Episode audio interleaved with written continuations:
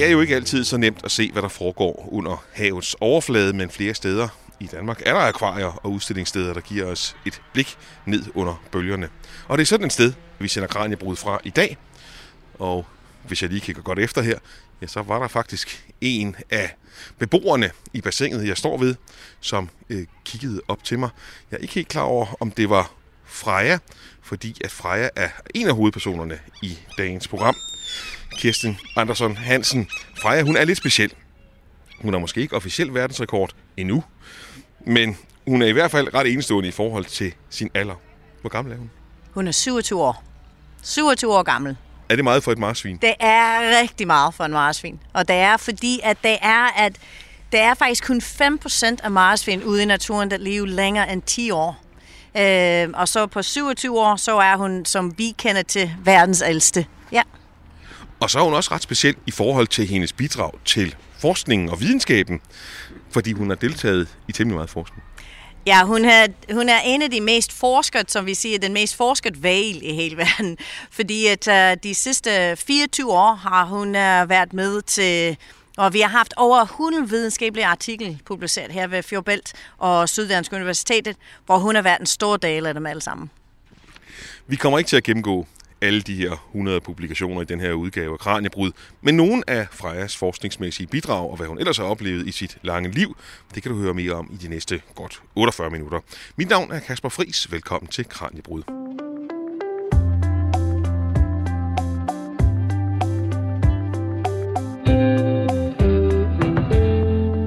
Freja bor i Fjord og Bælt i Katteminde. Det er et kombineret formidlings- og forskningscenter, og det har hun så gjort i 25 af hendes øh, 27 år. En del af årene, dog langt fra alle, har hun haft selskab af Kirsten Andersen Hansen, der er biolog og centrets leder af dyretræning og forskning. Og Kirsten, hvor mange år er det, at du og Freja har haft glæde af hinanden? Jamen, vi har kendt hinanden i 24 år, så vi har kendt hinanden øh, i, i rigtig mange år. Hun kom i april 97, og jeg kom i februar 98, så jeg har kendt hende siden det. Jeg var selvfølgelig væk nogle år, hvor jeg arbejdede i Odense Zoo. øh, men så kom jeg tilbage, fordi ja, jeg, jeg savnede hende. Jeg synes også, at øh, jeg synes helt ærligt, hun er en af de mest fantastiske dyr, jeg har nogensinde arbejdet med.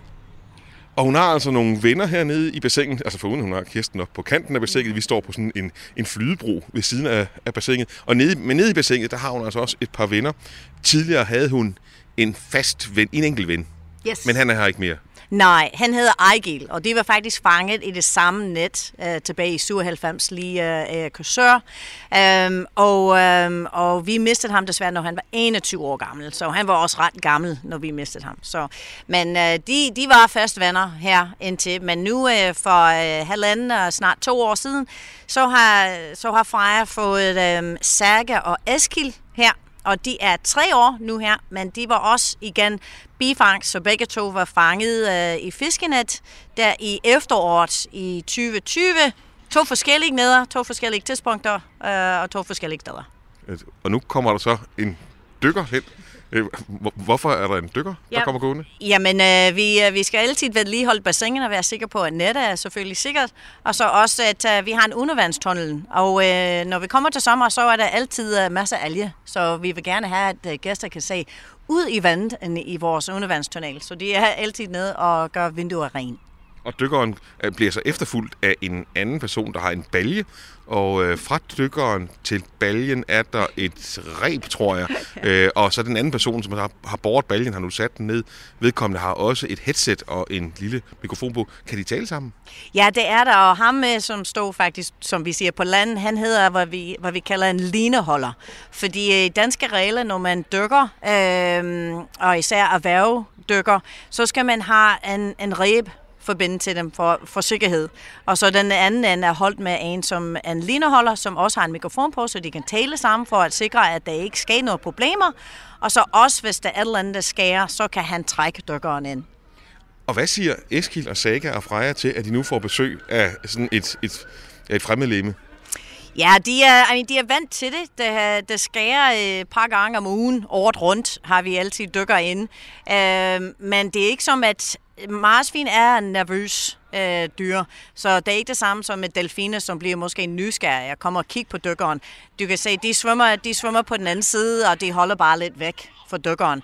Um, og dykkeren, vores dykker, de ved, at de skal svømme stille og roligt over og ikke bevæge sig ret hurtigt, men, men uh, de faktisk bare vil gerne bare undgå dykkeren. Og det 27-årige marsvin Freja er større end de andre to. Jeg kunne se, at hun er en ordentlig krabat. Hun er nærmest ja. dobbelt så stor. Ja, og, og der er hun faktisk. Uh, hun, uh, vi har lige vejet hende i går. Um, og hun var et 67 kilo i går, så hun har faktisk tabt sig 8 kilo fra i februar, hvor hun var et 75 kilo. Og det er også meget typisk, ikke? hvis vi tænker, at vandtemperatur om vinteren er 0 grader, um, så, er det, så er det en meget vigtig ting, at de har en meget tyk spæklag. Um, men så her til sommeren, når vandtemperaturen stiger, så taber de stille og roligt. Uh, og så vil han faktisk komme ned til omkring det der 58-60 kilo. Så forestil dig bare at tabe de der øh, 20 kilo. Men er det også, fordi I forsøger at regulere dens vægt? Nej, nej, de får øh, alt den mad, de skal altid have. Øh, det er noget, at, det gøres almindeligt. Um, selvfølgelig om sommeren, de spiser en del mindre, vil vi sige, end de gør om, om sommeren. Uh, når vi fodrer dem, vi tæller deres kalorier i forhold til, hvor mange kalorier. Og så om vinteren, hvor de spiser omkring tre gange så mange kalorier, som de gør om sommeren. Og hvor store er øh, de, de små, med så må sige? Ja, de små, de er omkring 30-32 kilo, og øh, 120 cm lang, hvor Freja er 160 cm lang. Hun er lige så lang, som jeg er. og hvornår bliver øh, Saga og Eskil så din størrelse? ja, det går omkring, øh, når de når omkring de der 5-6 år, så, som vi ved som vi har målt fra. Fordi vi har også haft andre marsvin her ved Fjordbælt, og så også for, når vi studerer dem ude i naturen. Og så har vi altid kan, kan måle, så vi ved, hvornår er det, at de, de plejer at være omkring de der 4, 5, 6 år, at de når deres længste, deres, deres, øh, hvor de bliver fuldvoksen. Og bassinet, som øh, marsvinene svømmer rundt i, Altså, det er jo en indhegning, kan man nærmest sige, for der er jo der er noget hegn omkring. Vi står på de her øh, pontonbroer, som er i yderkanten af bassinet, men altså, det er stort set en del af havnebassinet i Kateminde, lige om bag ved os. Jamen, der ligger der alle mulige fiskekutter og arbejdsskibe osv. Og, og marsvinens bassin er altså alene øh, afskåret fra den frie natur ude i havnen ved hjælp af de her hegn. Hvorfor ser bassinet ud, som det gør? Jamen, vi vil gerne selvfølgelig have, at, at det var så naturligt som muligt. Um, og også der, der er to ting. Der er en for dyrenes velfærd, at, at der er der. Um, også de oplever den samme års vejrskift i forhold til vandtemperatur, uh, lufttemperatur. Det er vigtigt, at de er udenfor. Um, og så også, at de, de oplever det samme strømskift, um, som de var også uh, op, you know, oplever ude i naturen. Og det er samme naturlige havbassin, eller havbunden, som giver en helt naturlig øh, berigende øh, adfærd for dem, fordi de er altid i gang med at grave ned i, i, øh, i bunden og søge efter små krabber og fisker. Og ikke, vi ved, at, at de kan, at vi har levende fisk, der svømmer ind og ud, fordi der er bare netter på begge sider. Um, men som vi ved nu, der er faktisk en torsk, der har levet de sidste 14 dage nede i en af hjørnerne af bassinet. Um, og den er omkring, hvad er det? Er det 20-25 cm lang? Ja, 30-40 30, okay, oh, okay, 30-40. og, og han har været der nu i, i, øh, i over 14 dage. Um, og jeg tror, han føler lidt fanget, fordi han har sæler på en side, og så marsvin på den anden. Men um, de, de leger med fiskene, men ikke nødvendigvis spiser dem. Men det gør de ikke. De jager dem ikke. Altså, så meget naturlig adfærd har de trods alt ikke herinde i bassinet. Well, der har de, de jager dem, men, men de, får, øh, de får deres med igennem træningen. Og for dem, at, det er, at, at træning er, er en, en meget vigtig måde for dem for at blive mentalt og fysisk stimuleret. Så det er mere interessant for dem at, at spise deres med på den tidspunkter. Og så når jeg, uden for træning, så det kan godt være, at de jager småfisk, men det er ikke fordi, at de har behov for det. Men den naturlige adfærd, som vi ved, fordi vi overvåger dem øh, også om natten, um, og det er der om natten, hvor de er mest aktive i forhold til jæger. Um, og det siger vi, det siger vi. Men, um, men de gør det, fordi det er en, en naturlig adfærd for dem. Ikke nødvendigvis, fordi de har behov for det. De ligger så ikke ned og tager en lille lur på havbunden? Nej, ikke om natten. Det gør de faktisk ikke. Men det er virkelig sjovt, fordi hvordan delfiner og faktisk havpattedyr sover, at sæler, de kan bare ligge på bunden og så sover de. De bevæger sig ikke. Men øhm, marsvin og, og, og valer generelt, den måde, at de sover, at de, de skal altid komme en, en lille komme ind til en lille svømmemønster, øh, og så de sover med en halv hjerne ad gangen. Fordi de skal tænke på at trække vejret. Så, øh, så også når vi sover, vi, er, vi kan bare være bedøvet, og vores krop vil fortsat at trække vejret. Hvis du bedøver en havpattedyr, så holder de op med at trække vejret. Fordi de skal tænke på, når de trækker vejret. Det er ikke smart. Nej, det er det ikke. Så, øh, så de sover med en halv hjernegang. Men er det så om natten eller i dagtimerne? De gør det begge to. Begge to. De vil altid tage en lur, som vi ved, øh, de plejer at gøre det lidt igen om eftermiddagen, omkring klokken to, de plejer at slappe af igen. Um, og især de ved, de er vant til vores rytme, så efter den sidste træning, der er klokken halv fire, så er vi altid set, at okay, så, så crasher de lige et par timer, og så vågner de op igen, og så er aktive uh, der for nogle timer bagefter. Hvordan ser det ud, når de sover? Altså, nu kan jeg jo se, at de kommer op en gang imellem her. Ja. Øh, og lige før så vi ovenikøbet, en af dem hoppede, fordi øh, dykkeren var ja. nede, for, nede for styre den. Men hvordan kan du se, at den sover? Du kan se, fordi at de, de, svømmer i en, øh, de svømmer meget mere roligt. Øh, og hvad de plejer at gøre, at de, svømmer, de kommer op til overfladen og trækker, trækker vejret nogle gange, måske 3, 4, 5 gange, og så dykker ned, og så svømmer i en, en bestemt mønster, for eksempel. Um, og gør det nogle gange, og så kommer op, så de skal ikke tænke på det, kroppen skal ikke rigtig registrere særlig meget. Trækker 3, 4, 5 gange, og så går ned igen og svømmer i den mønster. Og det er den, der de, øh, de slapper af med, det er den måde, at de gør, fordi så skal de ikke orientere sig om, pas på med, hvor, hvor, hvor de er henne. Um, og så mange gange vil de gøre det sammen. Og så hvis de gør det samme, for eksempel en flok delfiner, hvad de gør, at de altid har den øjne, som er åben ind til flokken, den er åben, og den anden øjne er lukket. Så de altid har ved, hvor de andre delfiner er. Så de hjælper hinanden med at passe på på den ja, måde? Ja, de, de hjælper hinanden, og så det er, hvordan de holder, så de sover sammen. Og vi, vi ser også, at vores også sover sammen. De, de samles. Ja. Men lige over på den anden side af det hegn, som vi kan se øh, under den ene af broerne, der siger du, der er sæler. Ja. Altså, det, de, de kan jo godt bide sådan nogle. Jo, jo, jo. Spattetsæler, de er, vi har fire spattetsæler. Øhm, og vi har haft nogle, øh, ja, jeg ved ikke, hvad vi skal kalde det, ulykker, men hvor en sæl er kommet ind til marsvinbassin. Og det er ikke, det er ikke øh, i naturen, vil du altid se spattetsæler og marsvin, især her i Danmark, i det samme farvand. Øh, men det er bare ikke særlig glad for hinanden. De, de var helst undgå hinanden. Um, og som vi har set, at vores saler virker ligeglade med marsvin, de er ikke særlig glade for salene. Så, men de ved, at de, der er net imellem. Så de svømmer lige op af hinanden, og, og de gør ikke noget. Hvor stort er, er bassinet her? Bassinet er, hvis jeg skal huske, det er 22, 22 meter langt, og så 14 meter bred. Og så den svinger imellem 3 til, til 5-5,5 meter i dybden i forhold til strøm. Og er det nok til marsvin? For vi kan jo se, de har fart på. Altså, der er en her. Altså, det var Freja, kunne Ja. jeg se. Det var Ja, det store, var store, der. store af dem. Men er, er det nok til de her dyr? Ja, det er der. I mean, hvad vi kan se, selvfølgelig, vi gør rigtig meget for at kigge på deres adfærd, og, øh, og sørge for, at, at, at uh, hvad vi, den adfærd, de viser, det er den naturlige og den rigtige adfærd, vi vil gerne se. Um, og hvis, hvis bassinet var ikke stor nok, um, så, så vil man begynde at se noget, måske hvad vi kalder uønsket adfærd. Noget stressresponsadfærd, stereotypisk adfærd for eksempel. Og det er det, at dyr kan gøre, hvis, hvis, de, hvis pladsen ikke er stor nok. Nogle gange, ikke alle gange. Dyrene kan reagere i forskellige måder. Um, men med vores, vi har set, at de altid har vist den, den rigtige adfærd. De er sociale, de er aktive, de bruger hele bassinet. Um, vi ser ingen uh, stereotypisk svømmemønster. Um, og um, så på den måde, uh, vi kan se og bekræfte, at bassinet er stor nok. Den, Hvordan, hvordan ville et stereotypisk svømmemønster se ud?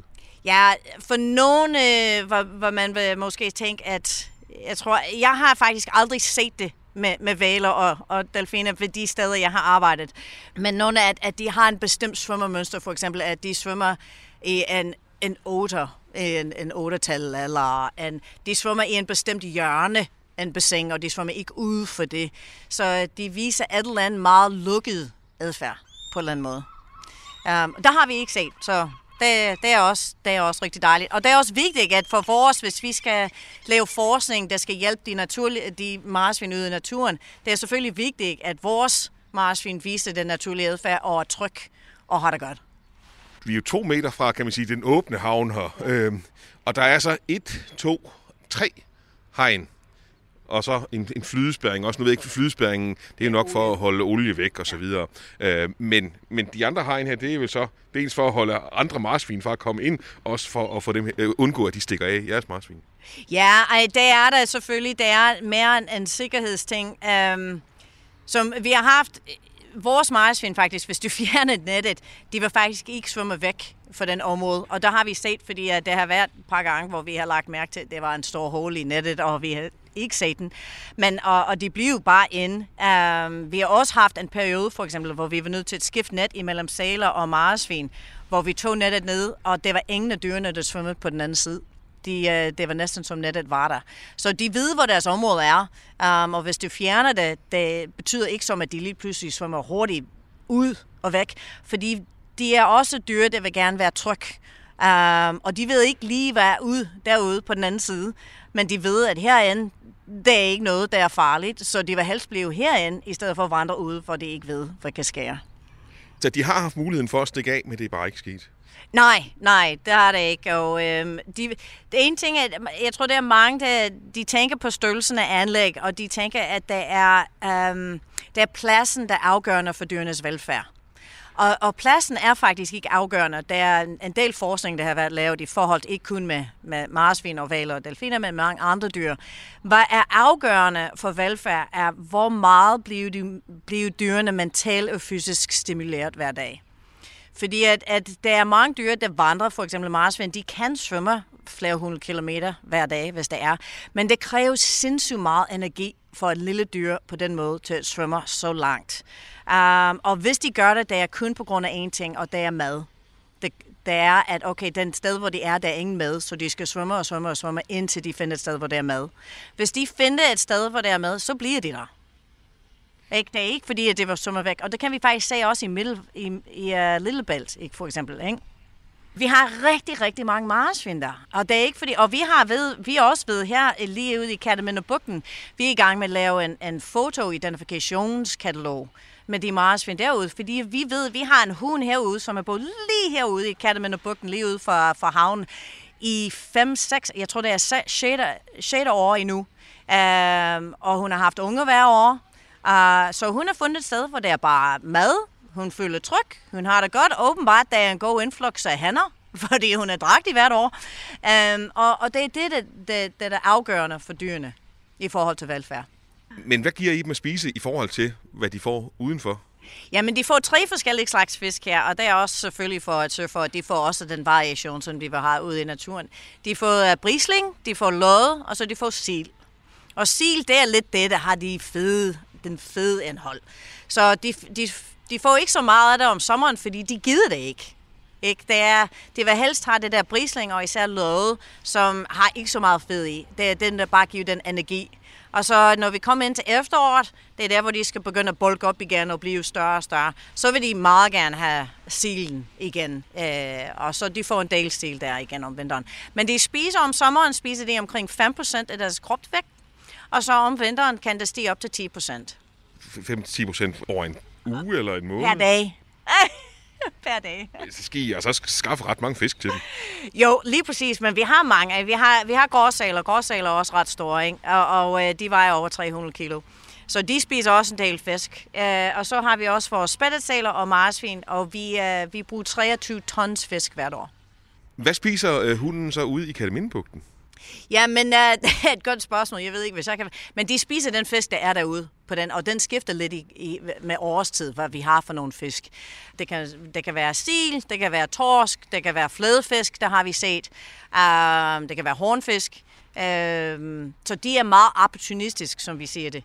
Og de spiser, hvad der er. Åh, oh, det var Freja. Og det kunne du sige? Ja, uden... det kan høre. Du stod med halvt med ryggen til ja. bassinet, Kirsten. Hun har meget større pust end de andre, fordi hun er meget større, så hans lunge, når, du, når hun puster ud, øh, det var også hende. det, kan man, det kan man lige høre. Og så de, de to mindre, det er, det er ikke så, det er lidt mere puh, i stedet for puh, ikke? Og jeg står altså med Kirsten Andersen Hansen, der er leder af træning og forskning på Fjord og Bælt i Kærteminde og viser sammen med det store marsvin Freja og de to lidt mindre marsvin Eskil og Saga og det var en af de små, der lige Det dykkede op foran snuden ja. på os der. Øh, Hvordan kan du finde, kende forskel på dem, foruden at du kan høre forskel Ja. på den store og de to små? Ja, det er, når vi arbejder med dem hver dag selvfølgelig, de, de ligner ikke hinanden til os. I mean, vi kan se meget øh, forskel. Deres hovedform, deres farve. Eskild er meget mørkere, um, og, um, og så Saga, hun er meget mere lysegrå. Uh, hun har en mere runden hoved, uh, hvor Eskild er lidt mere, lidt mere øh, smelt lige nær med spidsen. Og så kan du faktisk se forskellen med deres rygfind. Er der også forskel på den måde, de opfører sig? Yes. Ja, de har meget stærk personaliteter, som er helt fantastisk. Ikke? Vildt fantastisk. Og selvfølgelig det er noget at, at gøre i, i, hvordan, hvad er bedst med at arbejde med dem. Hvad er den bedste måde, at vi kan uh, have, at, at de vil gerne lære nye ting. Um, så um, nogle ting kan Saga være lidt mere nervøs for overfor, hvor Eskild, han gør det lige med det samme. Han er ligeglad. Men så kan det også være omvendt med noget andet. Det kan være, vi kommer til at opleve det lige om et øjeblik, for der er dyretræning. Det er der fem gange om dagen. Ja, mindst, ja. Mindst fem gange om dagen. Ja. Det er da et ret hårdt program. Altså, vi andre, vi skal kun på arbejde én gang. De skal bare arbejde mindst fem gange. Jo, de ved, de ved, det starter halv ni om morgenen, um, og så slutter det kvart over tre uh, hver dag. Og det er hverdag. Det er juleaften, juledag, og alle, vi er her året rundt. Og, og det er selvfølgelig også, fordi vi vil gerne øh, sørge for, at de har det det bedst, og de har det det bedst hver dag. Så vi er herude for at være med dem, sørge for, at de er sund og rask, og at også at de bliver mentalt og fysisk stimuleret hver dag. Fordi man kan tydeligt mærke på dem, hvis, hvis de ikke får det der stimulering. Så, og, og så det er der, hvor man kan begynde at mærke, at de mister deres motivation til at vise den naturlige adfærd, vi har, at at de viser, og så også faktisk spiser. Så en af fiduserne ved at træne dem, det er, at de får motion og adspredelse. Ja, ja lige præcis. At de, er, de, skal, de skal løse problemer mentalt, og løse problemer med deres hoved og deres krop, ligesom de skal gøre ude i naturen. Så selvom at vi, øh, vi, de skal ikke søge efter fisk her, de får alle deres mad. Så i naturen, deres dagligdag vil være udfordret med at enten finde andre marsvin, eller for at jage efter fisk. Så vi skal bruge den samme slags udfordring for dem. Så de skal ikke jage efter fisk her, men de skal stadigvæk problemløse hver dag i forskellige sammenhæng. Lad os prøve lige at få en lille smagsprøve på, hvordan det foregår. Ej, du er så dygtig, Freja. Det er du jo. Og så vil vi lave lidt træning her, hvor vi, uh, hun skal øve i sin uh, evne med at finde noget i poolen eller i bassinet um, med brug af hans sonar. Så vi vil tage de her sugekopper på, og vi vil lige sætte dem blød over øjnene, som hun er vant til. Der har hun været trænet til. Så hun kigger op på mig. Og vi sætter den lige der. Så nu, hun kan ikke se. Jeg giver han lige en Og den, den ene sugekop faldt af. den faldt af. Den gjorde den. Dunk. Sådan. Okay, og så jeg kaster den her ring. Og så giver hende en tegn, der siger, at hun skal ud og søge. Og så kan man se, at hun bruger hans sonar. Hun finder lige med det samme. Jeg skal lige sætte min hånd tilbage i vandet, så hun ved, hvor hun skal hen. Fordi hun kan ikke se.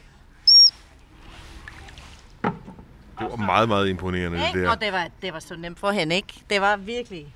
Altså, Kirsten ka- kastede en, altså en, en ring fra, fra, fra sådan et ringespil, sådan fra et havespil Ja. ud. Og hun finder det bare lige med det samme. Kaster det 3-4 meter ud i bassinet. Ja. Hun fanger den lige på stedet. Ler, hun vidste ler. Hvis du kigger lige meget hurtigt, når hun gør det, så kan du faktisk se, at, at hendes, hendes hoved svinger fra venstre til højre. Og det er der, hvor hun kaster den lyd ud og får prøve at finde den echo. Og så snart som hun får den echo, som hun ved er ringet, så hun ved, okay, så er det lige den retning, jeg skal til.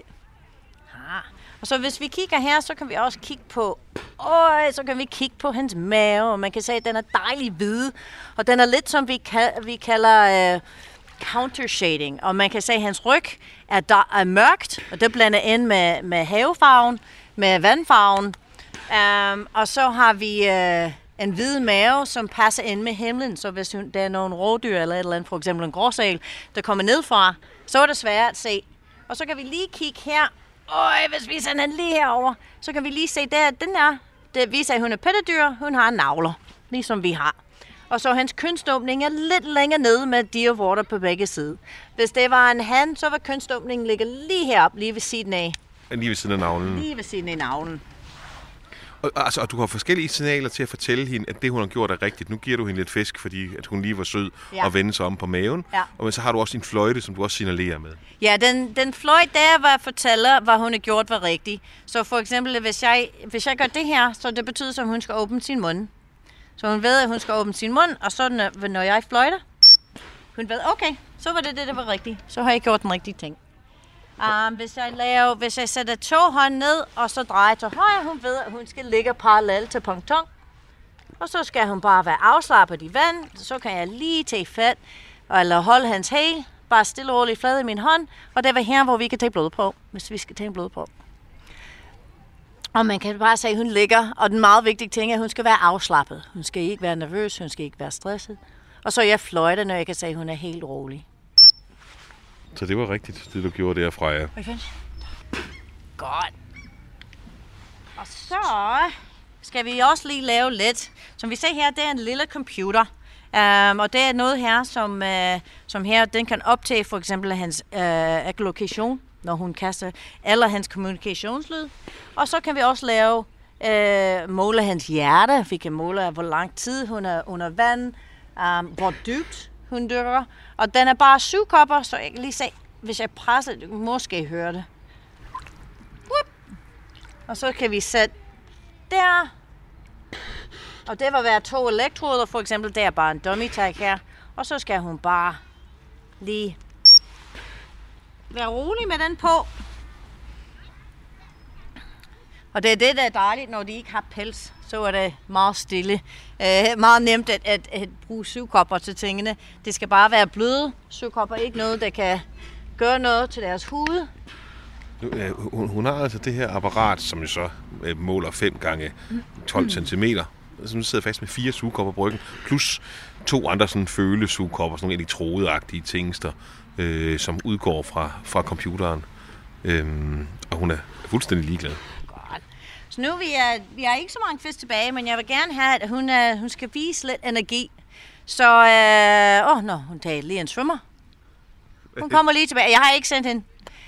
Um, men når hun kommer tilbage, så vil jeg gerne bede hende om, at, at vi har en, en bold, hvis du siger, vi har en bold, der hænger lidt i luften omkring, hvad er det, to, to og et halvt meter op.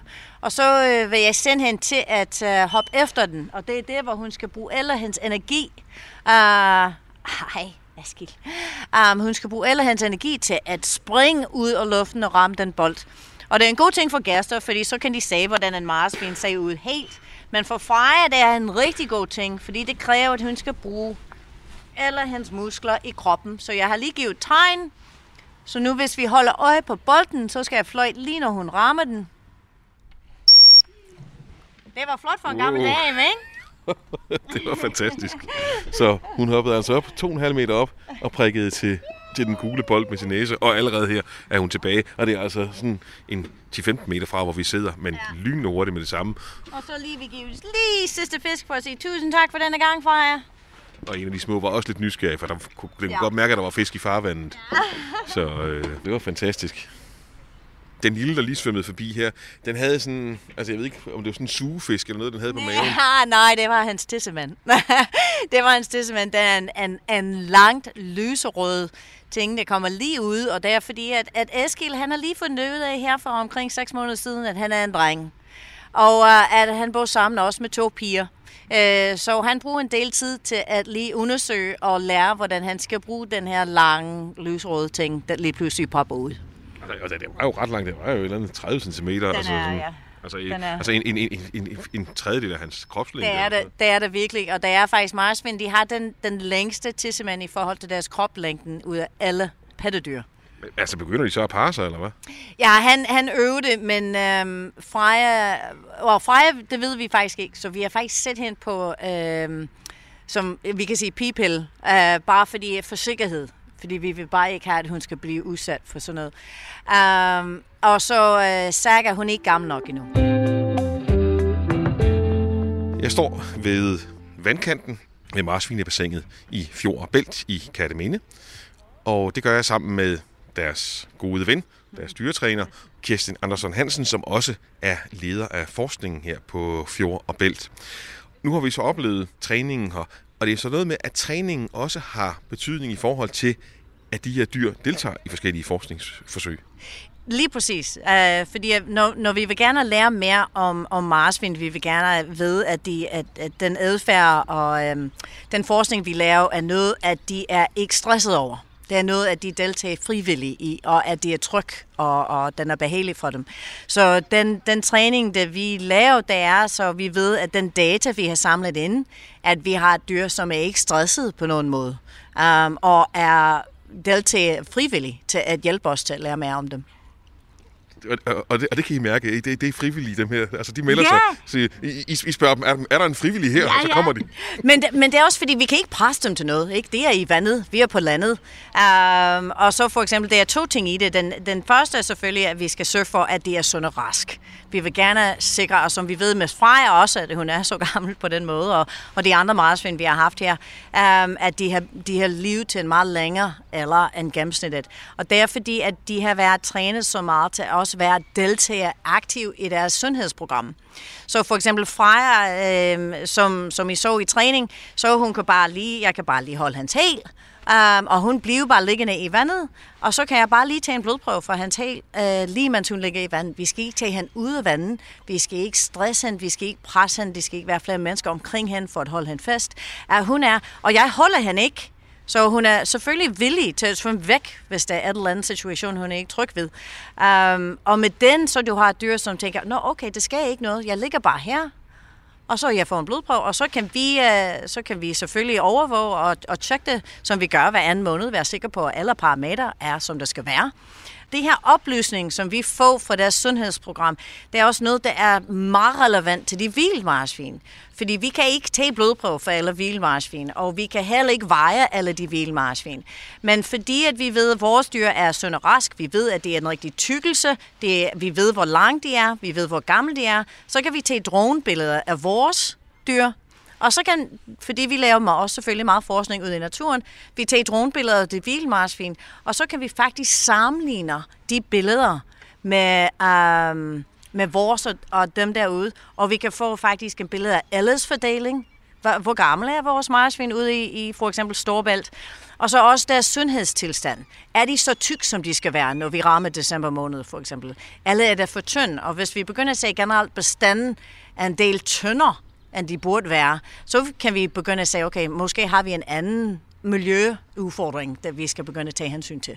Men er jeres marsvin ikke luksusmarsvin, fordi I netop fodrer dem? Øh, altså, er det, ikke, er det ikke lidt nogle andre marsvin, end dem, der er derude? jo, det er luksus, fordi de skal ikke selv jære fisken, men det er ikke, fordi de er fede, som sagt. Um, og dyr, det er ikke bare spiser, bare for at spiser. Øh, de, de får deres mad, og så er det det. De spiser, hvad de har behov for. Lidt anderledes for os mennesker, som kan godt være glade til at bare spise, fordi vi elsker mad så meget. Dyrene, de spiser med, at de har behov for.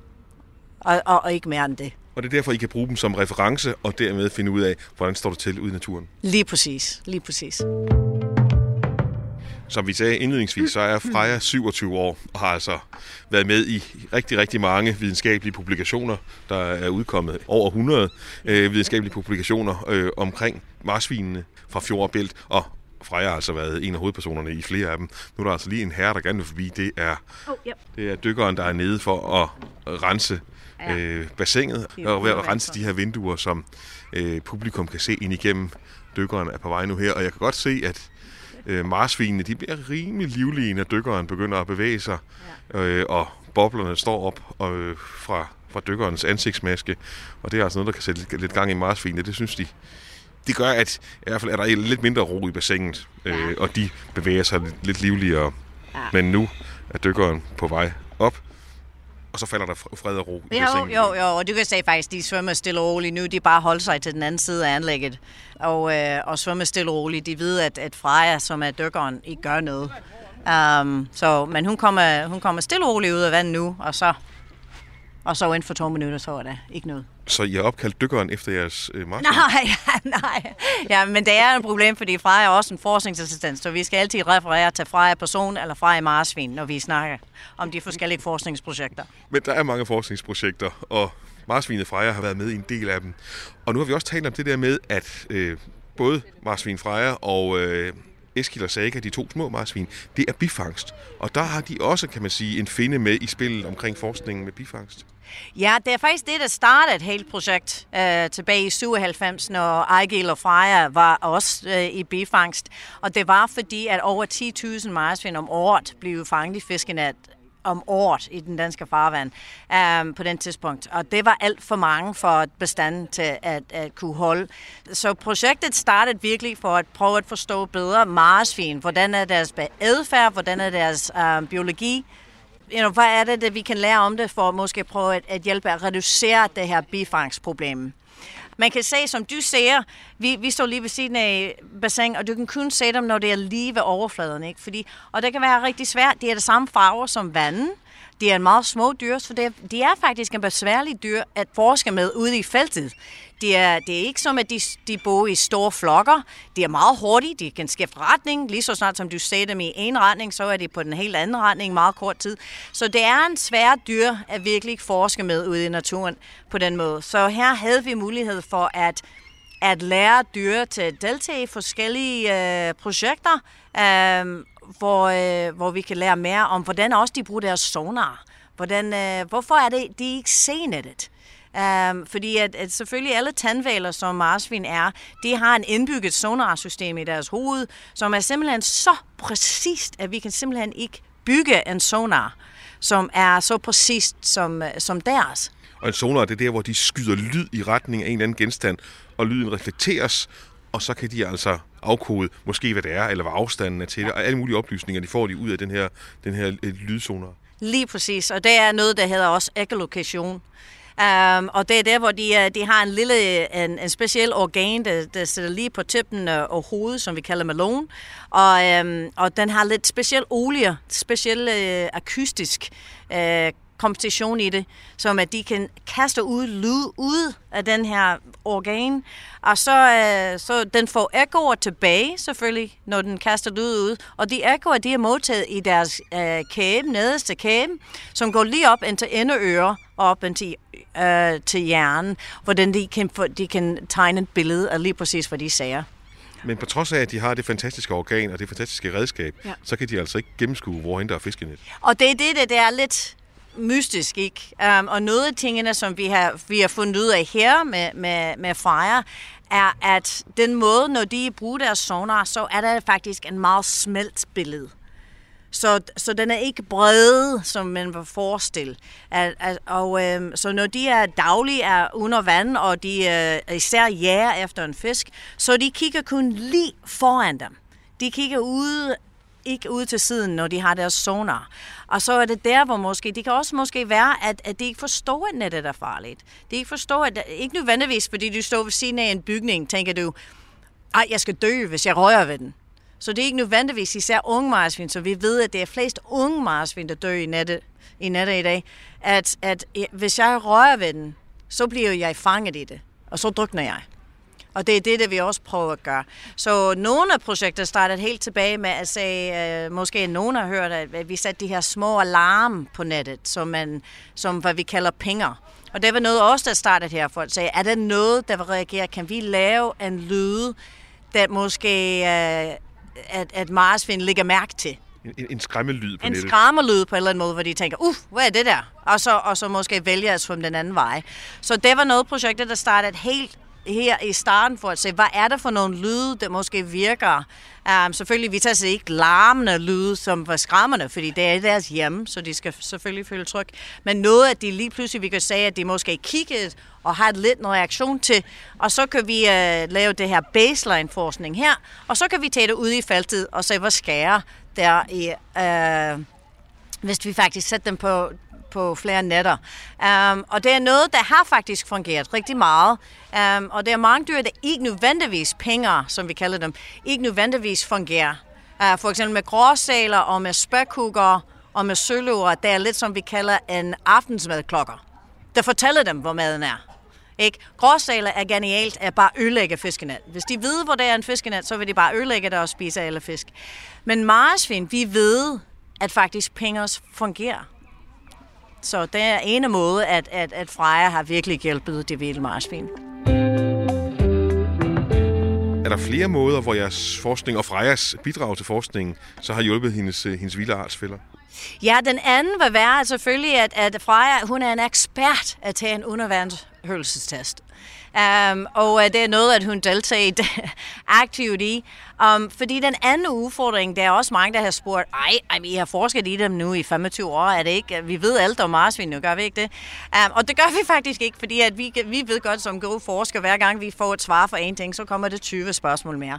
Men den anden ting er, at vores påvirkning på naturen har ikke blevet mindre i de sidste 25 år. Det er kun blevet værre. Så lige nu, det er ikke kun fiskenettet, der, marsfin, øh, der, der er udfordringer for marsfin. Vi har forurening, um, og en af de forureninger, der er virkelig svært den større problem, det er uh, undervandsstøj. Der er noget, der virkelig er en problem for en del af havdyr. Um, og, um, og det kan være alt fra, forbudtrafik, som er en stor en herude i vores verdens motorvej med storbæltet her. Um, det kan være vindmøller, når vi bygger vindmøller. Det kan også være sonar, forskellige slags zoner. Det kan være meget forstyrrende for den havmiljø.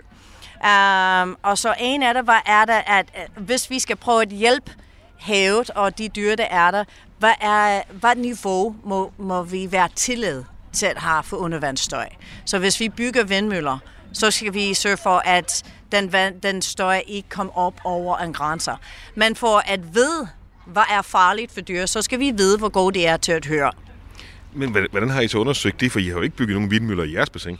Nej, så, så du gør, hvad du gør. Der starter med at lave en hølsestest. Ligesom at hvis du tog til, til når alle babyer på sygehus, når de er lige født, de får de der små elektrode øh, sugekopper på hovedet, og så de spiller nogle lyde, og så de, ja, de måler deres hjernebølger for de elektroder, for at se, hvis de har modtaget den her lyd. Og derfra er jeg trængt til. Hun ligger stille under vandet, um, og så vi sætter nogle sugekopper på, på hans hoved, og så vi spiller lyd, og så kan vi måle, har hun registreret den lyd eller nej. Og vi spiller det ud under vand selvfølgelig, og så registrerer. Så vi ved, hvor god hun er til at høre. Og så kan vi påvirke med at tilføje måske lidt baggrundslyd, og finde ud af, hvornår er det, at det begynder at påvirke hans hørelse, hvornår er det, at hun kan ikke høre særlig godt. Um, og en af de mest vigtige ting er, hvad vi kalder TTS, og det er på engelsk Temporary Threshold Shift. Og så hvis vi siger det på dansk, det er lidt som den discotek-effekt. Når du tager til en diskotek eller til en, en koncert, når du kommer en rockkoncert, hvis det er, og du kommer ud, og din øre ringer lidt, fordi den har været rigtig larmet. Um, vi ved, at over tid, over en kort tid, hvor du får din hørelse tilbage, men den tid, så er din tærskel, din hørelsestærskel, er lidt påvirket. Du kan ikke høre så godt, som du plejer at gøre. Den her niveau er faktisk rigtig, rigtig vigtig, fordi at det er der, at vi skal vide, at lyden undervandsstøj må ikke være højere end den der TTS. Fordi hvis vi går over det, så kommer vi måske ind til den område, der hedder PTS, som er permanent tærskel shift. Og det er der, hvor vi kan have permanent loss permanent tab og hørelse. Så Freja, um, hun har været med til at, at finde ud af, hvornår er den her niveau TTS? Hvornår starter det? Fordi hvis vi ved, at den starter lige nu her, så skal vi sørge for, at regulationer siger, at der må ikke være højere end her. Og der har hun været med til i forhold til at sætte regulationer i Tyskland og i EU i forskellige undervandsstøjniveauer. Marsvinene i Fjordbælt de bliver trænet mindst fem gange om dagen, og det er så også derfor, at vi kan høre lidt skolebørn i baggrunden, for der er snart noget træning igen, og de glæder sig til at se, hvad marsvinene de kan præstere. Øh, Kirsten Andersen Hansen og jeg, vi står herude på pontonbroen ved siden af bassinet, og øh, marsvinene de svømmer rundt hernede. Jeg tror måske, de er begyndt at mærke, at der snart skal til at ske et eller andet igen her, fordi de er nede i det område, hvor der formentlig skal til at foregå noget træning om et øjeblik. Men hvornår skal de så igen deltage i noget videnskabeligt?